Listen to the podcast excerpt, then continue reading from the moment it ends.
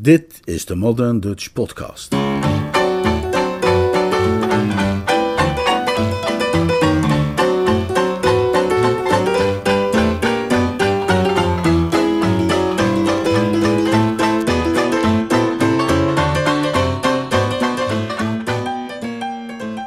Om precies te zijn, dit is de 200ste aflevering van de Modern Dutch Podcast. Vier jaar lang hebben we elke week een aflevering verzorgd, in sommige weken zelfs een extra aflevering. Maar aan die regelmaat gaat nu een einde komen. Vanaf nu zal er nog maar incidenteel een aflevering of een korte reeks afleveringen volgen. Behoud dus wel uw abonnement, want zo nu en dan zal er nog wel weer iets binnenkomen. In elke aflevering kon u de mededeling horen dat het betreffende verhaal of fragment was vertaald en voorgelezen door Leonard Beuger. Alle 200 afleveringen waren mijn eigen vertaalwerk. Een van de redenen dat het wekelijkse ritme wordt doorbroken is dat ik als vertaler langzamerhand ben ingehaald door mezelf als voorlezer. Er zijn nog wel een paar romans en toneelstukken van Woodhouse die ik wel heb vertaald maar niet voorgelezen, maar de korte verhalen zijn toch het meest geschikt voor de podcast. Zo heb ik bijvoorbeeld alle 35 losse Jeeves en Wooster verhalen inmiddels voorgelezen. Het laatste heb ik voor vandaag bewaard, want Jeeves en Wooster zijn toch de belangrijkste iconen uit het werk van Woodhouse en daar wilde ik natuurlijk ook mee afsluiten.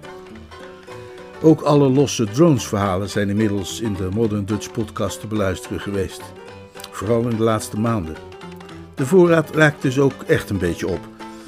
Natuurlijk blijf ik wel vertalen. Er zijn nog tientallen romans te gaan en als ik er een voltooi zal ik die ook nog wel voor u willen voorlezen.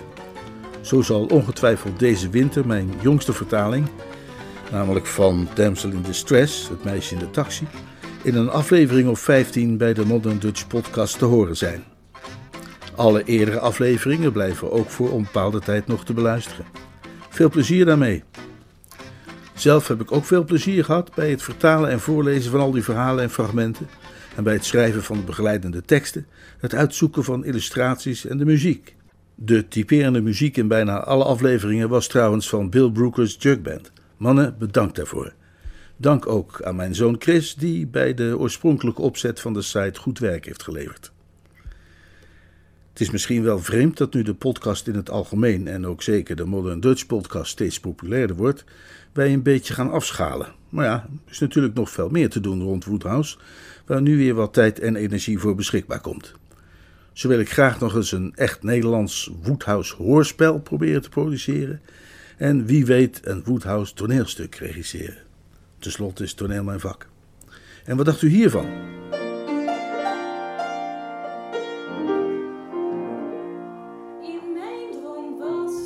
Hier hoor je op de achtergrond de sopraan Merel van Geest repeteren voor Woodhouse in the Woods.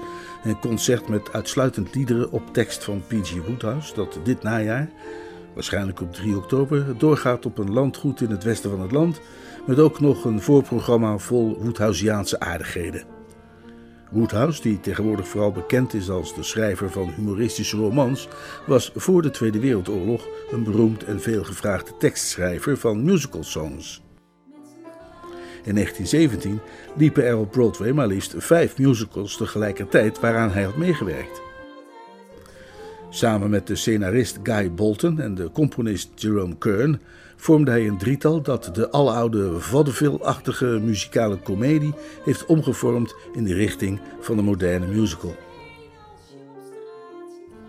De Modern Dutch Podcast zal u meteen op de hoogte brengen als er meer details bekend zijn over dat concert Woodhouse in the Woods. Vooralsnog dus tot ziens of horens.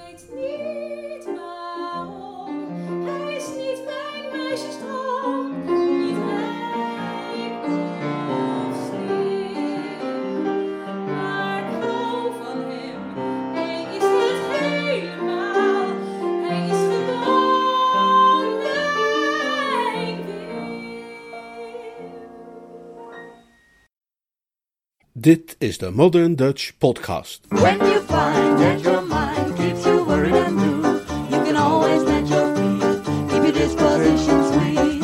Want to see what makes me feel the way I do?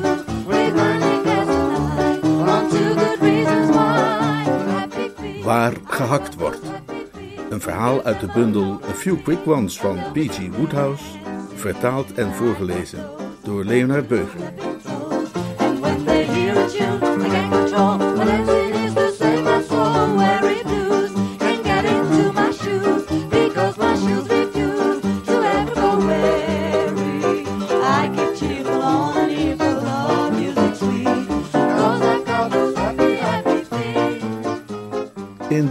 De tijden waarin wij leven, zal stellig ieder weldenkend mens toch wel eens hebben bedacht dat er eigenlijk iets drastisch zou moeten worden gedaan met betrekking tot tantes. Als ik voor mezelf spreek, dan heb ik al heel lang het gevoel dat er studies zouden moeten worden verricht en navorschingen gedaan met het oog op een beteugeling van de betreffende bloedverwanten. Als er iemand zou komen die tegen mij zei: Woester, zou jij misschien overwegen lid te worden van een vereniging die ik aan het oprichten ben en die als doelstelling heeft de onderdrukking van tantes, of die er althans voor wil zorg dragen dat tantes een beetje worden tekort gehouden en niet zomaar kunnen gaan en staan waar ze willen en overal om zich heen ellende zaaien? Dan zou ik daarop antwoorden: eh, Wilbraham, eh, gesteld dan dat hij Wilbraham heette, ik sta geheel en al achter je. Noteer mij als stichtend lid. En mijn gedachten zouden uitgaan naar de sinistere geschiedenis van mijn tante Dalia en de Venus van Fothergill, een episode waarvan ik maar langzaam herstellende ben. Fluister de woorden Marsham Manor in mijn oor en ik begin weer te trillen als een kolibrie in actie. Het initieel moment, als dat de uitdrukking is die ik zocht, vond plaats toen ik in opperste vorm was en zonder de geringste zorg. Aangenaam ontspannen lag ik na twee rondjes golf en een goed diner op de Drones Club Shea Wooster op de sofa met de kruiswoordpuzzel van de Telegraph toen de telefoon ging. Ik hoorde hoe Jeeves in de hal het gesprek aannam.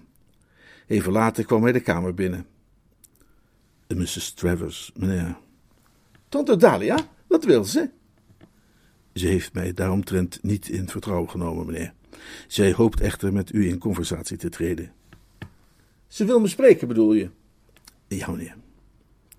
Een beetje vreemd vind ik het wel, als ik erop terugkijk, dat ik op weg naar de telefoon geen enkel voorgevoel heb gehad van het dreigend noodlot. Niet paranormaal begaafd, dat is mijn probleem.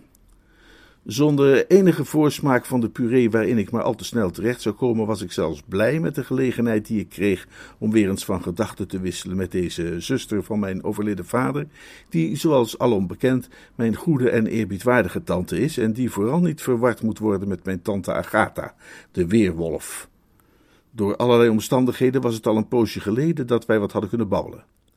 Hé daar, mijn oude bloedverwant, zei ik. Hallo, Bertie. Jij weerzinwekkende vlek op het landschap. antwoordde ze met haar gebruikelijke hartelijkheid. Ben je nuchter? Als een kalf. Luister dan goed.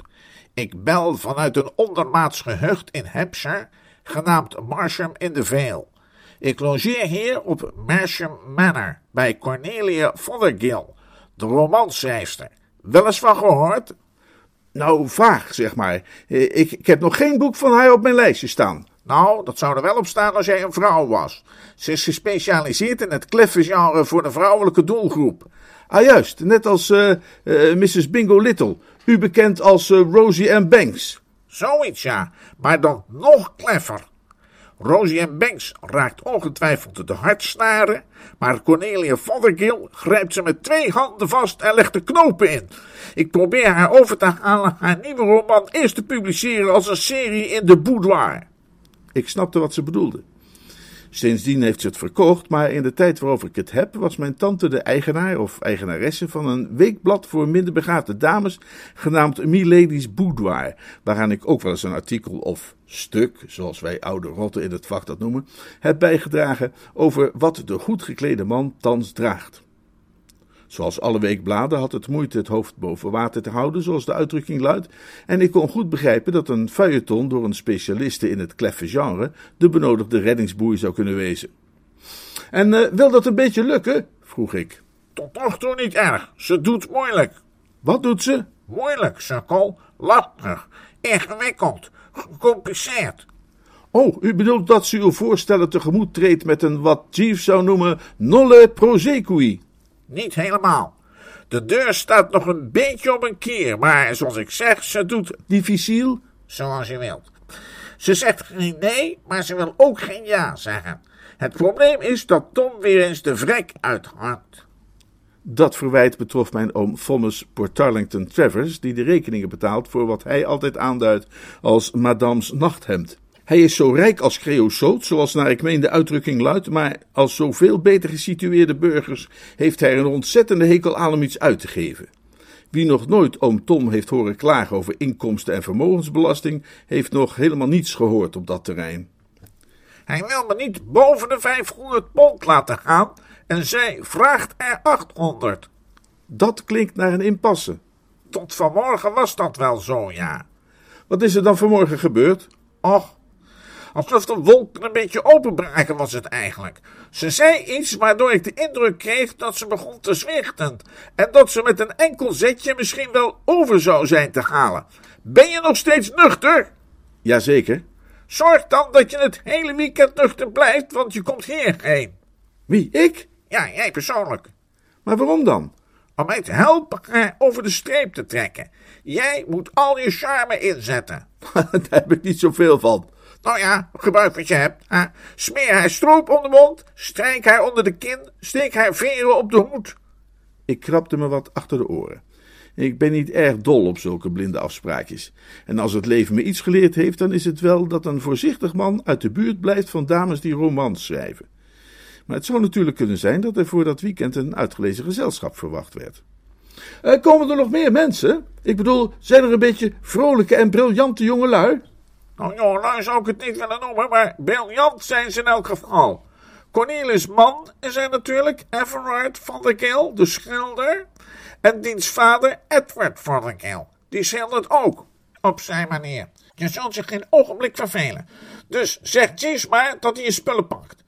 We verwachten je vrijdag en dan blijf je hier spoken tot maandag. Daar ginder opgesloten met een stel schilders en een schrijfster van kleffe dameslectuur. Nou, het, lijkt niet echt leuk hoor, Je hoeft het ook niet leuk te vinden. verzekerde mijn bejaarde verwante me.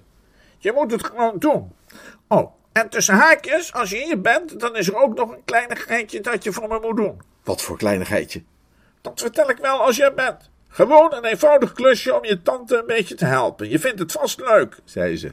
En met een hartelijk toedeloe legde ze de hoorn op de haak. Veel mensen zijn er geloof ik verbaasd over dat Bertram Wooster, gewoonlijk een man van staal, als was is in de handen van zijn tante Dahlia. Altijd klaar om aan haar minste wens te voldoen, nijver als de zeeleeuw in het circus die op zijn visje uit is. Zij weten niet dat deze vrouw een geheim wapen bezit met behulp waarvan zij mij altijd haar wil kan opleggen. Namelijk door te dreigen dat als ik tegenspraak durf te geven, zij mij zal verbannen van haar tafel. En mij zo het gebraad en de kokerijen onthouden van haar Franse kok Anatole. Godsgeschenk voor een gezonde spijsvertering. Dus wanneer zij zegt tot deze ga of tot den anderen kom, zoals de Bijbel het formuleert, dan doe ik niet moeilijk, dan ga ik of kom ik al naar gelang. Zodoende zat ik die vrijdag, de 22e, zo tegen het avonduur achter het stuur van mijn trouwe sportwagen, met Jeeves naast mij en zoefde door Hampshire, bedrukt door een nameloos angstig voorgevoel. Jeeves, zei ik, ik voel mij bedrukt door een nameloos angstig voorgevoel. Werkelijk, meneer? Ja, en ik, en ik vraag mij af, wat voor potje staat er op het vuur? Ik geloof niet dat ik u helemaal volgen kan, meneer. Dat zou toch wel moeten? Je hebt je mijn conversatie met tante Dalia letterlijk meegedeeld en elk woord daarvan zou moeten zijn opgeslagen onder die bolmoed van jou. Maar om je geheugen wat op te frissen, na wat heen en weer geleuter, zei ze: Er is een kleinigheidje dat je voor me moet doen. En toen ik informeerde wat dat kleinigheidje dan wel was, poeierde ze me af. Heet dat zo? Poeierde? Ja, meneer. Ze poeierde mij af met een nonchalant. Gewoon een eenvoudig klusje om je tante een beetje te helpen. Hoe zou jij dat interpreteren? Men zou eruit kunnen opmaken dat Mrs. Travers zou willen dat u iets voor haar deed, meneer. Ja, dat zou men ja, maar de vraag is wat. Hè? Je weet wat er gebeurde als in het verleden leden van de tedere sekse mij wel eens vroeg iets voor hen te doen.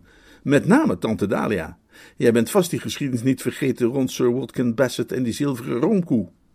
Nee, meneer. Als jij er bij die gelegenheid niet geweest was, zou Bertram Wooster ongetwijfeld een lelijk tijdje hebben moeten doorbrengen in het lokale rasp- en spinhuis. Hè? Wie, wie weet of dat kleine geitje waar ze het deze keer over heeft mij ook niet in dat soort ellende zal brengen. Ik wou dat ik hier onderuit kon, Jeeves. Ik kan het mij levendig voorstellen, meneer. Nou, ik helaas niet. Ik ben meer als die types van de lichte brigade. Hè? Je weet hoe het met hen gesteld was. Jazeker, meneer. Zij vragen niet waarom, wat nood. Zij doen hun plicht tot in den dood. Precies.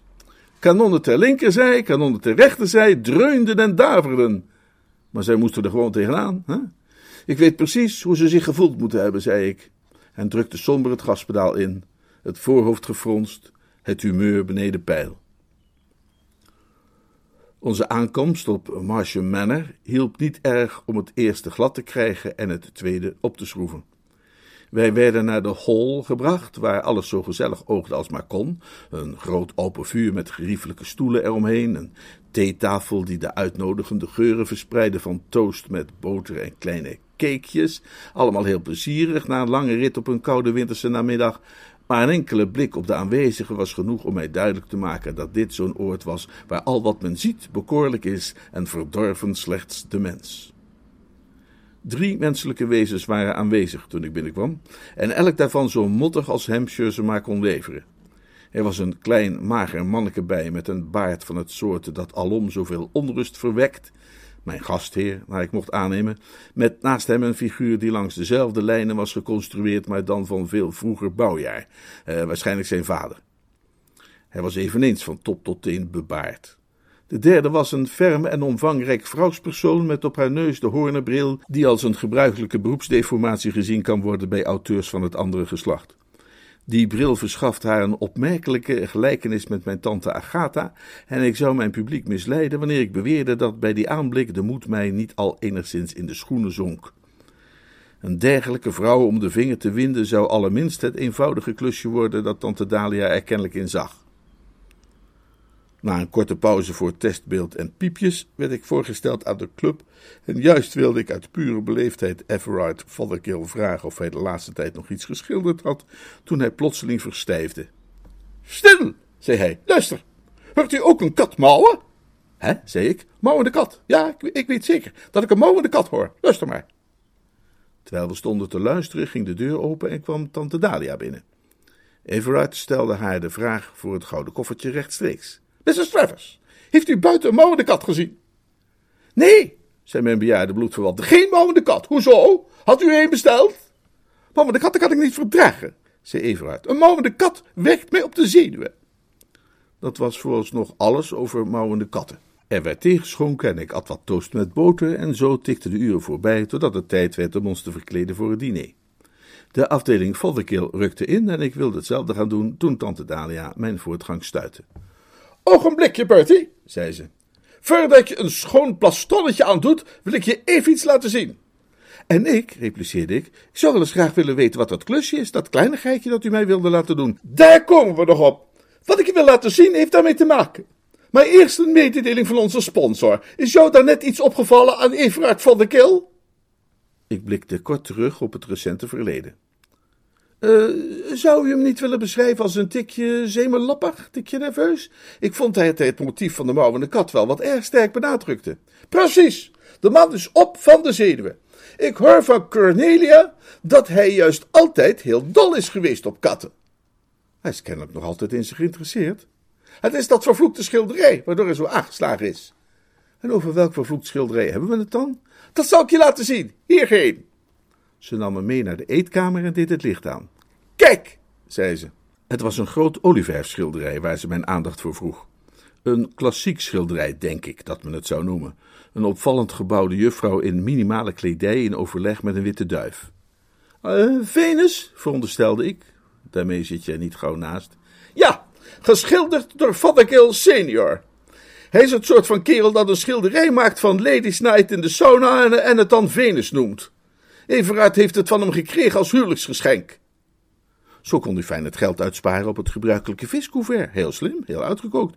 Maar uit wat u zei maak ik op dat Everard er niet blij mee was. Natuurlijk niet. Het is een wangedracht. Die oude heer is een klungelige amateur. Maar omdat hij op zijn vader gesteld is en diens gevoelens niet wil kwetsen, van Everard het niet zomaar van de muur halen en in de kelder zetten. Hij zit ermee opgescheept en moet er tijdens elke maaltijd naar kijken. En met wat voor gevolg? Uh, dat het eten hem tot stof en as wordt in de mond? Precies, hij wordt er akkelig van. Everard is een echte kunstenaar. Hij maakt echt goed werk. Een paar van zijn dingen hangen in het Tate. Kijk bijvoorbeeld eens hiernaar, zei ze en wees op een ander doek. Dat is een van zijn schilderijen. Ik wierp er een snelle blik op. Het was ook zo'n klassieke voorstelling. Voor mijn ongeschoolde blik leek het als twee druppels water op dat andere schilderij, maar omdat er waarschijnlijk een kunstkritische opmerking van me verwacht werd, zei ik: Hmm, fraai patina. Doorgaans ook een opmerking waarmee je niet gauw ernaast zit. Maar kennelijk had ik deze keer toch iets verkeerd gezegd, want mijn brave familielid snoof hoorbaar. Ha, wel, nee, stuk onderdul. Je weet niet eens wat patina is. Daar had ze me te pakken, want ik had inderdaad geen idee. Hoepel toch op met je patina! Maar goed, je ziet waarom Everard hier naar van wordt. Wanneer iemand zo goed kan schilderen als hij, is het natuurlijk een ramp om steeds je ogen te moeten dichtknijpen voor een kitschproduct als die Venus, telkens wanneer je een hapje wilt eten. Stel je voor dat je een groot muzikus was en dag in dag uit naar hetzelfde ordinaire deuntje zou moeten luisteren. Allemaal hetzelfde, dag in dag uit. Of stel je voor dat je in de Drones Club elke dag bij de lunch tegenover iemand kwam te zitten die eruit zag als de klokkenluider van de Notre Dame. Zou jij dat leuk vinden? Natuurlijk niet, hè? Daar zou je ook helemaal beroerd van worden. Ik zag wat ze bedoelde. Op de drones was ik vaak genoeg tegenover Oefie Prosser komen te zitten en dat had mijn eetlust inderdaad altijd behoorlijk bedorven. Dus begrijp je nu hoe de zaken staan, druiloor? Oh ja, ik, ik snap het en mijn hart bloedt voor hem natuurlijk, maar ik, ik zou niet weten wat ik eraan kan doen. Ik wel. Vraag maar wat dan. Wat dan? Jij gaat die Venus verdonkere manen. Stelen. Ik keek haar aan, vol van de wildste vragen. In stilte, hoog op een top in Darien. Niet mijn woorden, iets van Jeeves. Stelen? Ja, vannacht. En als u zegt stelen, eh, eh, eh, bedoelt u dan stelen? Precies. Dat is dat kleine klusje waar ik het over had. Dat kleinigheidje dat je ging doen om je tante te helpen. Lieve hemel, zei ze op een toon die ongeduld verried. Ik begrijp niet waarom jij daar zo moeilijk op moet kijken, al- al- als een vark aan het spit. Het is helemaal niets voor jou. Jij pikt toch altijd politiehelmen en zo? Dit moest ik even corrigeren. Nee, niet altijd, alleen bij gelegenheid, als bijzondere tractatie. Bijvoorbeeld op de avond van de jaarlijkse bootrace tussen Oxford en Cambridge. En bovendien, een schilderij stelen is iets heel anders dan het hoofddeksel lichten van oma Gent. Veel ingewikkelder. Daar is niets ingewikkelds aan. Zo simpel als pompwater. Je snijdt het gewoon uit de lijst met een goed scherp mes. Ik heb helemaal geen goed scherp mes. Daar zorg ik wel voor. Weet je, Bertie, zei ze, een en al enthousiasme, het komt allemaal geweldig goed uit. De laatste weken is er een bende van schilderijen hier in de buurt actief. En die zijn er met een Romney vandoor gegaan uit een huisje vlakbij. En een Gainsborough een eindje verderop. En zo ben ik op het idee gekomen. Als zijn Venus verdwijnt, zal die oude voddenkill niets vreemds vermoeden. En, en worden zijn gevoelens ook niet gekwetst. Die boeven zijn kenners, zal hij tegen zichzelf zeggen. Alleen het beste is goed genoeg voor ze. Ja, Cornelia is het met me eens. Heeft u het haar verteld? Ja, natuurlijk. Ik besprak met haar de prijs van mijn zwijgen. Ik heb haar gezegd dat als ze mij plechtig beloofde hè, eh, dat de boudoir die pulp van haar mocht publiceren tegen een prijs die mijn bruin kan trekken, jij die Venus van Edward Valdekeer voor altijd zou laten verdwijnen. Oh, heeft u dat gezegd? Mooi is dat. En wat was haar reactie? Ze heeft me bedankt met tranen in haar ogen. Het was de enige manier om Everard geestelijk gezond te houden, zei ze. En, en ik heb gezegd dat ik jou dit weekend klaar zou hebben staan om je slag te slaan. Nou, voor je familie moet je het maar hebben. Dus, je weet wat je te doen staat. Ik wens je er alle succes bij. Het enige wat je hoeft te doen is een raam openzetten om het eruit te laten zien als een inbraak, het schilderij los te snijden en het te verbranden in de open haard op je kamer. Ik zal zorgen dat er een stevig vuurtje brandt. Nou, dank u wel. En nu kun je maar beter gaan verkleden, want je hebt niet veel tijd meer en Everard wordt erg nerveus als mensen te laat komen voor het diner. Het was met gebroken hoofd en het gevoel dat er een vloek op mij rustte dat ik naar mijn kamer liep. Jeeves was daar, bezig de knoopjes in mijn hemd te drukken, en ik bracht hem dadelijk op de hoogte. Mijn houding tegenover Jeeves is bij dat soort gelegenheden altijd die van het verloren schaap ten opzichte van zijn herder. Jeeves, zei ik, weet je nog dat ik onderweg in de auto tegen je zei dat ik mij bedrukt voelde door een nameloos angstig voorgevoel? Ja, meneer. Nou, dat was met recht. Laat u je met enkele eenvoudige woorden verslag doen van waar tante Dalia me zojuist mee heeft verrast. Ik vertelde het hem in enkele eenvoudige bewoordingen en hij trok zijn linker wenkbrauw 2 à 3 mm op om te tonen hoezeer hem dat verontrustte. Bijzonder verontrustend, meneer. Zeker. En het ergste is dat ik bang ben dat ik het ook echt zal moeten doen. Dat vrees ik ook, meneer. En een overweging nemende dat Mrs. Travers bij een eventuele weigering uwerzijds ongetwijfeld sancties zou treffen in samenhang met Anatole's kookkunst, blijft u geen andere mogelijkheid dan aan haar wens tegemoet te komen. U heeft toch geen pijn? vroeg hij, omdat hij mij zag stuiptrekken. Nee, nee, het is uh, pure ergernis. Geschokt voel ik me, Jeeves. Ik had, nooit gedacht dat een dergelijk idee bij haar zou opkomen. Dat professor Moriarty en, en misschien iemand als dokter Fu Manchu zoiets zouden hebben bedacht, kan een mens begrijpen, maar toch niet een vrouw en moeder die niet weinig wordt gerespecteerd in Market Snodsbury, Worcestershire. Het vrouwtje is bij menig soort veel dodelijker dan de man. Mag ik vragen of u een plan de campagne hebt uitgestippeld? Dat had zij al gedaan. Ik zet een raam open om het op een inbraak te doen lijken. Neem me niet kwalijk dat ik u in de reden val, meneer, maar ik meen dat Mrs. Travers zich daarin vergist. Een gebroken raam zou grote overtuigingskracht met zich meebrengen. Maar wordt het hele huis daar niet wakker van? Nee, meneer. Dat kan geluidloos worden gedaan door een stuk pakpapier in te smeren met stroop, het papier op de ruit te plakken en die dan met een ferme vuistslag in te slaan. Zulks is de erkende methode die in de inbraakbranche uh, gangbaar is. Maar waar haal ik pakpapier vandaan? En, en stroop? Daar kan ik in voorzien, meneer. En ik zal het inslaan met genoegen voor mijn rekening nemen indien u dat wenst. Echt waar? Dat is ontzettend geschikt van je, Jeeves. Allerminst, meneer. Ik streef immer naar uw tevredenheid. Neemt u mij niet kwalijk, ik meen dat er wordt geklopt. Hij ging naar de deur en deed die open. Zei, zeker mevrouw, ik zal het dadelijk aan Mr. Woester overhandigen en kwam terug de kamer in met een soort jeugdige sabel. Uw mes, meneer. Dank je, Jeeves. Potverdorie, zei ik, bekeek het voorwerp met een huivering en hulde mij somber in mijn opengebreide bolletje. Na overleg hadden wij de aftrap gepland om één uur s'nachts, als iedereen in huis geacht werd aan zijn acht uurtjes bezig te zijn, en stipt om één uur kwam Jeeves binnengetogen. Alles is in gereedheid, meneer. De stroop? Ja, meneer. Het uh, pakpapier? Ja, meneer. Sla dan het raam maar in als je wilt. Dat heb ik al gedaan, meneer. Werkelijk? Nou, dan had je helemaal gelijk over die geluidloosheid. Ik heb er niets van gehoord. Vooruit dan maar richting eetkamer, zou ik zeggen. Geen geteut, dan wel geleut. Nee, meneer. Waar het gedaan als het is gedaan, dan waar het goed zo het ras gedaan werd, zei hij. En ik weet nog dat ik dacht hoe origineel hij die dingen toch altijd weet te formuleren. Ik zou je ook als ik zei dat ik, terwijl ik de trap afliep, ontspannen was als gewoonlijk. Nee, ik had koude voeten. En als er plotseling geluiden waren geweest, zou ik daarvan zijn geschrokken. Aan mijn overwegingen betreffende tante Dalia ontbrak nogal nadrukkelijk de liefde van een neef.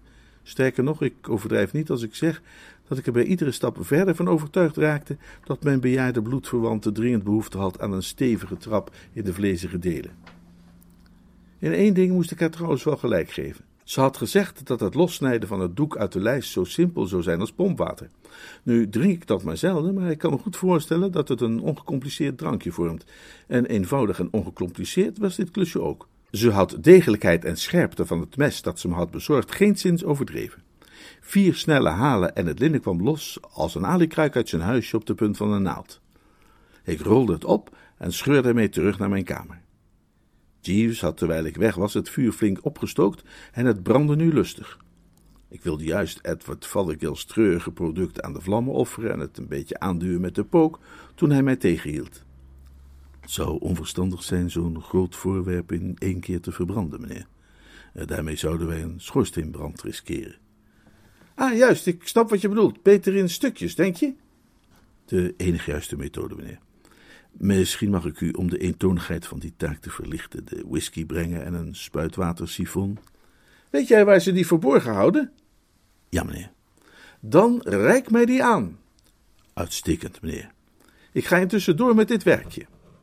Dat deed ik en ik schoot al aardig op, toen, zonder dat ik het hoorde, de deur openging en tante Dalia binnenstruinde. Ze sprak me aan voordat ik bespeurd had dat ze in mijn midden was, zodat ik met een gesmoorde kreet tegen het plafond schoot. Alles loopt hier gladjes, Bertie? Ik wou dat u toeterde voordat u de bocht omkwam, zei ik, terugvallend naar de aarde, niet zonder enige bitterheid. Ik schrok me wild. Alles loopt volgens plan, maar G staat erop dat we het corpus delicti stukje bij beetje verbranden. Ja, allicht, we willen geen schoorsteenbrand veroorzaken. Dat zei hij ook al. En hij had gelijk, zoals altijd. Ik heb mijn schaar meegebracht. Waar is Jeeves trouwens? Waarom is hij niet aan jouw zijde om je onzelfzuchtig bij te staan? Omdat hij mij elders onzelfzuchtig bijstand aan het verlenen is. Hij is de whisky en soda aan het halen. Wat een kerel! Er is geen ander zoals hij, werkelijk niet. Jongen, zei mijn bloedverwante even later, terwijl wij voor het vuur zaten te knippen. Eh, Dit doet mij helemaal denken aan vroeger op school. Hè? En hoe wij dan bij het vuur warme chocolademelk zaten te drinken met de meiden. Ah, goeie oude tijd. Ah, Jeeves, kom binnen, kom binnen. En, en zet de fourage een beetje binnen bereik. Hè? We schieten al aardig op, zoals je ziet. Wat heb je daar aan je arm hangen? De snoeischaar, mevrouw. Ik bied graag alle hulp die binnen mijn vermogen ligt. Ah, begin maar te bieden dan. Het meeste werk van Edward Fothergill ligt gereed. We ijverden drie man sterk en hadden zo de klus al snel geklaard. Ik had nauwelijks mijn eerste whisky met soda achter de kiezen en was net aan een tweede begonnen, toen alles wat er over was van de Venus, afgezien van de as, nog slechts het zuidoostelijke hoekje was dat Jeeves in de hand hield. Hij bekeek het met wat mij een bedachtzame blik toescheen. Neemt u mij niet kwalijk, mevrouw, zei hij. Begreep ik dat u nu zei dat de voornaam van Mr. Fothergill senior Edward luidt? Dat klopt. Maar noem hem voor jezelf maar Eddie. Hoezo? Vraag het omdat het schilderij dat wij hier hadden kennelijk gesigneerd was met Everard Fothergill, mevrouw. Ik noem het alleen even. Ik zou de waarheid verdraaien wanneer ik zou zeggen dat tante en neef dit niet hoog opvatten. Als rammen sprongen wij op, als lammeren in de velden. Geef mij dat eh, fragment eens, Jeeves. Volgens mij staat er Edward, verklaarde ik nadat ik het zorgvuldig had bekeken. Jij bent gek, zei tante Dalia en wrong het driftig uit mijn hand. Daar staat Everard. Ja toch, Jeeves? Het was stellig de indruk die ik daarbij kreeg, mevrouw. Bertie, zei tante Dalia met een stem die naar ik meen doorgaans verstikt wordt genoemd, en wierp mij een blik toe die zij in de dagen dat zij bij de Britse jagersvereniging actief was nog niet gebruikt zou hebben voor een hond die zich door een konijn liet afleiden. Bertie, jij vloek van de beschaafde wereld. Als jij toch het verkeerde schilderij hebt verbrand. Nee, natuurlijk heb ik dat niet gedaan, antwoordde ik ferm. Jullie zijn allebei scheel. Maar ik, ik zal jullie geruststellen. Ik wip even naar beneden, naar de eetkamer, om een blik te werpen. Doe ondertussen iets lolligs voor jezelf. Ik had, zoals ik zeg, ferm gesproken. En als u me had gehoord, zou u ongetwijfeld tegen uzelf hebben gezegd: Alles in orde met Bertram. Hij is kalm en onverstoord. Maar niets was minder waar. Ik vreesde het ergste en bibberde al bij de gedachte aan de gepassioneerde woordenvloed vol verwijzingen naar mijn psychische, zowel als morele en intellectuele tekortkomingen, die tante Dalia op mij zou richten als ik straks weer bij haar terug was. Bij veel geringer aanleiding had zij in het verleden regelmatig tegenover mij de houding aangenomen van een sergeant die niet tevreden is over de wijze waarop een verse recruut het geweer presenteert en dan wel terugzet aan de voet. Ik was dus absoluut niet in de conditie om nog een tweede schok te kunnen verwerken, maar toch kreeg ik die toen ik beneden aangekomen de eetkamer wilde binnengaan, want er kwam juist iemand die kamer uitgestormd die mij midscheeps ramde. Wij tuimelden samen in innige omhelzing in de hal over de vloer, en omdat ik daar het licht had aangedaan ten einde geen meubels omver te lopen, kon ik mijn danspartner klip en klaar onderscheiden, zoals een zeker iemand altijd zegt. Het was Fothergill senior, in kamerjas en op pantoffels. In zijn rechterhand had hij een mes en aan zijn voeten lag in een slordig hoopje iets dat hij bij onze botsing had laten vallen. Toen ik dat, beleefd als ik ben, voor hem opraapte, ontvouwde het zich wat mij een geschrokken Jandori ontlokte. Mijn uitroep viel samen met een angstige kreet van hem. Onder zijn bakkenbaarden was hij wit weggetrokken. Mr. Woester! huiverde hij. Ik geloof dat huiverde hier de juiste term is. Godzijdank bent u niet Everard. Dat was in elk geval iets waar ik het hardgrondig met hem over eens was. Het laatste wat ik had willen zijn was wel een kleine magere kunstschilder met een baard. U bent ongetwijfeld verbaasd, huiverde hij verder, te zien dat ik mijn Venus zo heimelijk verwijder. Maar ik kan alles uitleggen. Nou, dat is mooi, zou ik zeggen. U bent geen beeldend kunstenaar? Nee, ik, ik ben meer van de literatuur. Ik, ik heb wel eens een artikel geschreven over wat de goed geklede man thans draagt voor Milady's boudoir. Desondanks denk ik dat ik u duidelijk kan maken wat dit schilderij voor mij betekent. Het was mijn kindje. Ik heb het zien groeien en zich ontwikkelen. Al mijn liefde ging eruit. Het vormde een deel van mijn leven. Hier zweeg hij even, zo te zien buiten adem, en ik wierp er een Heel lovenswaardig tussendoor om de conversatie gaande te houden. Maar toen ging Everard trouwen. En in een moment van dwaasheid heb ik het hem gegeven als huwelijksgeschenk. Daar heb ik achteraf bitter spijt van gekregen. Maar het was nu eenmaal geschied. Het kon niet ongedaan gemaakt worden. Ik zag hoezeer hij dat schilderij waardeerde. Tijdens de maaltijden was zijn blik er voortdurend op gericht. Ik kon mezelf er niet toe brengen het aan hem terug te vragen. Maar zonder dat schilderij voelde ik mij verloren. Lastig, lastig, gaf ik toe. Moeilijk daar iets op te vinden. Een tijd lang leek het me zelfs onmogelijk. Maar toen kwam die golf van schilderijendiefstallen hier in de buurt. Heeft u daarvan gehoord? Ja, mijn tante Dalia heeft het even genoemd. Er zijn de laatste tijd verschillende kostbare schilderijen ontvreemd uit huizen hier in de omgeving. En daardoor kwam ik op het idee dat als ik mijn Venus zou uh, verwijderen, even uitstellig zou aannemen dat het het werk was van diezelfde boeven en nooit de waarheid zou vermoeden. Ik streed tegen die verleiding. Uh, pardon? Nee, niks. Ik zei te gek. Oh, hm. Nou ja, zoals ik zei, ik, ik deed mijn uiterste best om de verleiding te weerstaan, maar vanavond ben ik bezweken. Mr. Wooster, u lijkt mij een geschikte vent. Heel even dacht ik dat hij geschifte vent had gezegd en ik was al gepikeerd recht gaan staan, maar toen snapte ik het toch opeens. Dat is heel vriendelijk van u. Ja, ik, ik, ik weet zeker dat u zo sportief zult zijn mij niet te verraden. U vertelt toch niets aan Everard? Natuurlijk niet, als u dat niet wilt. Mijn, mijn hond zit op slot. Heel fijn. Prima. Dank u, dank u. Ik ben u oneindig dankbaar. Maar goed, het is al laat en tijd om naar bed te gaan. Ik wens u wel te rusten, zei hij en zoefde de trap op als een konijn naar zijn holletje in het duin.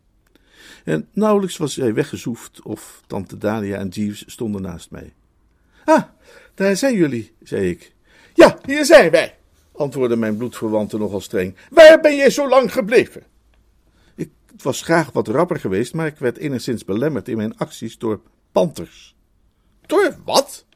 Uh, baardige panters. Althans één dan. Shakespeare. Klopt dat, uh, Jeeves? Volledig juist, meneer. Shakespeare spreekt over de soldaat baardig als de panter. Ja, en vol dolle vloeken, zegt hij ook, zei tante Dalia. Waarvan jij je straks een paar zult horen als je me niet snel vertelt waarover jij nu weer staat te leuteren. Oh, had ik dat niet gezegd? Ik uh, raakte aan de praat met Edward Fothergill. Bertie, je bent teut. Wel nee, mijn bejaard vlees en bloed niks teut, maar wel geschokt, tante Dalia. Ik heb u een verbazingwekkend verhaal te vertellen. En ik vertelde mijn verbazingwekkende verhaal. En zo, ronde ik af, leren wij eens te meer de les dat wij nooit moeten wanhopen, hoe duister het er ook voor ons uitziet. De onweerswolken hingen laag, de lucht was zwart, maar wat zien we nu? De zon schijnt en de vogels fluiten als nooit tevoren. La Fothergill wilde de Venus verdwenen zien, et voilà, zei ik met licht Parijse zwier. Verdwenen is hij.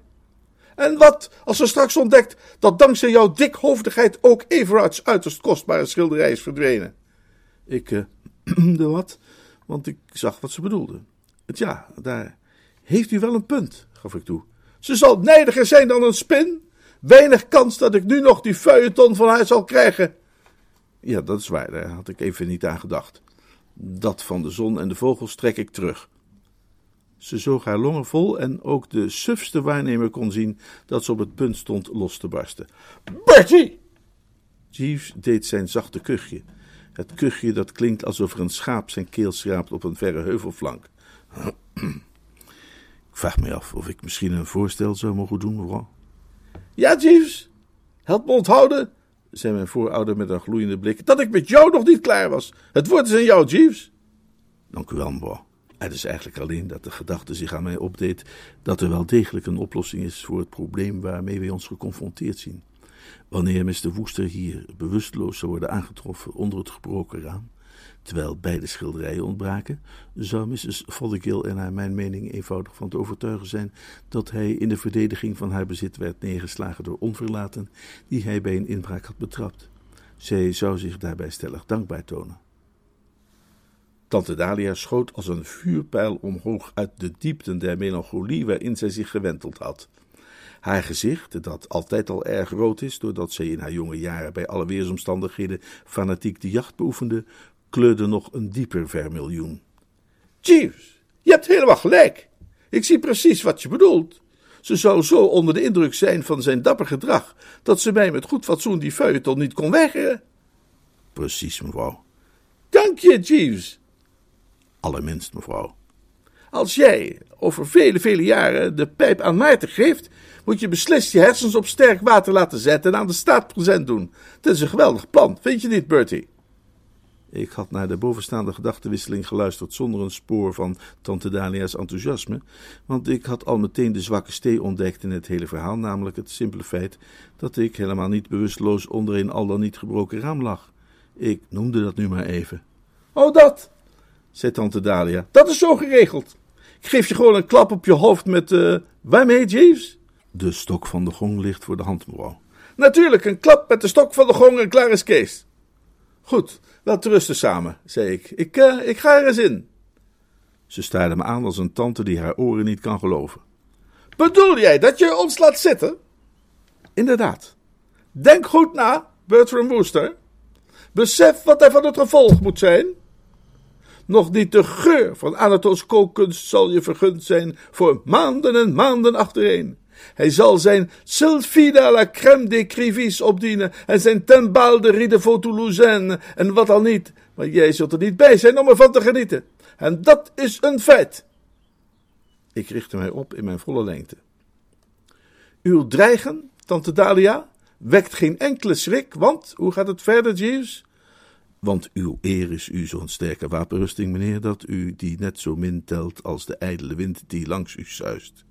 Precies. Die kwestie van Anatols kookkunst heb ik trouwens eens wat aandacht geschonken en ik ben tot de slotsom gekomen dat daar twee kanten aan zitten. Heerlijk natuurlijk om zijn rookoffers te genieten, maar denken we ook aan het taille, hè?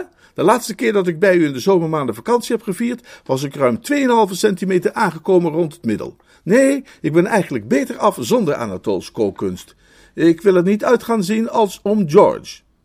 Ik verwees daarmee naar de huidige Lord Yaxley, een illustere Londense bon vivant, die ieder jaar nog illusterder wordt, vooral van opzij gezien. Dus, ging ik verder, hoe spijtig ook, ik kus die tembaal waar u het over heeft desnoods vaarwel, maar beantwoord in elk geval uw voorstel mij op het hoofd te slaan met de stok van de gong met een resolute nolle prosecui.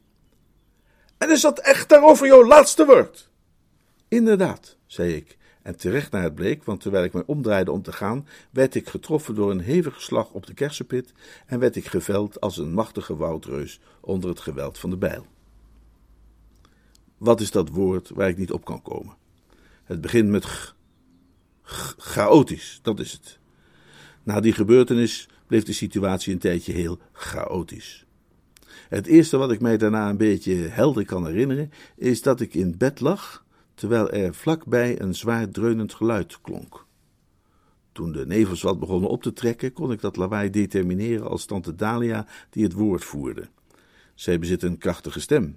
Zij heeft in het verleden, zoals ik al vaker heb aangeduid, veel gejaagd.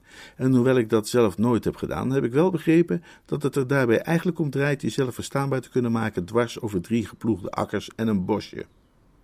Pretty, was wat ze zei. Ik wou dat je nu eens luisterde en niet de hele tijd je gedachten liet afdwalen. Ik heb Niels dat je heel het huis door zal laten huppelen. Nou, dat gaat nog wel even duren, antwoordde ik, voordat ik ook maar welke afstand zou kunnen huppelen. Mijn hoofd.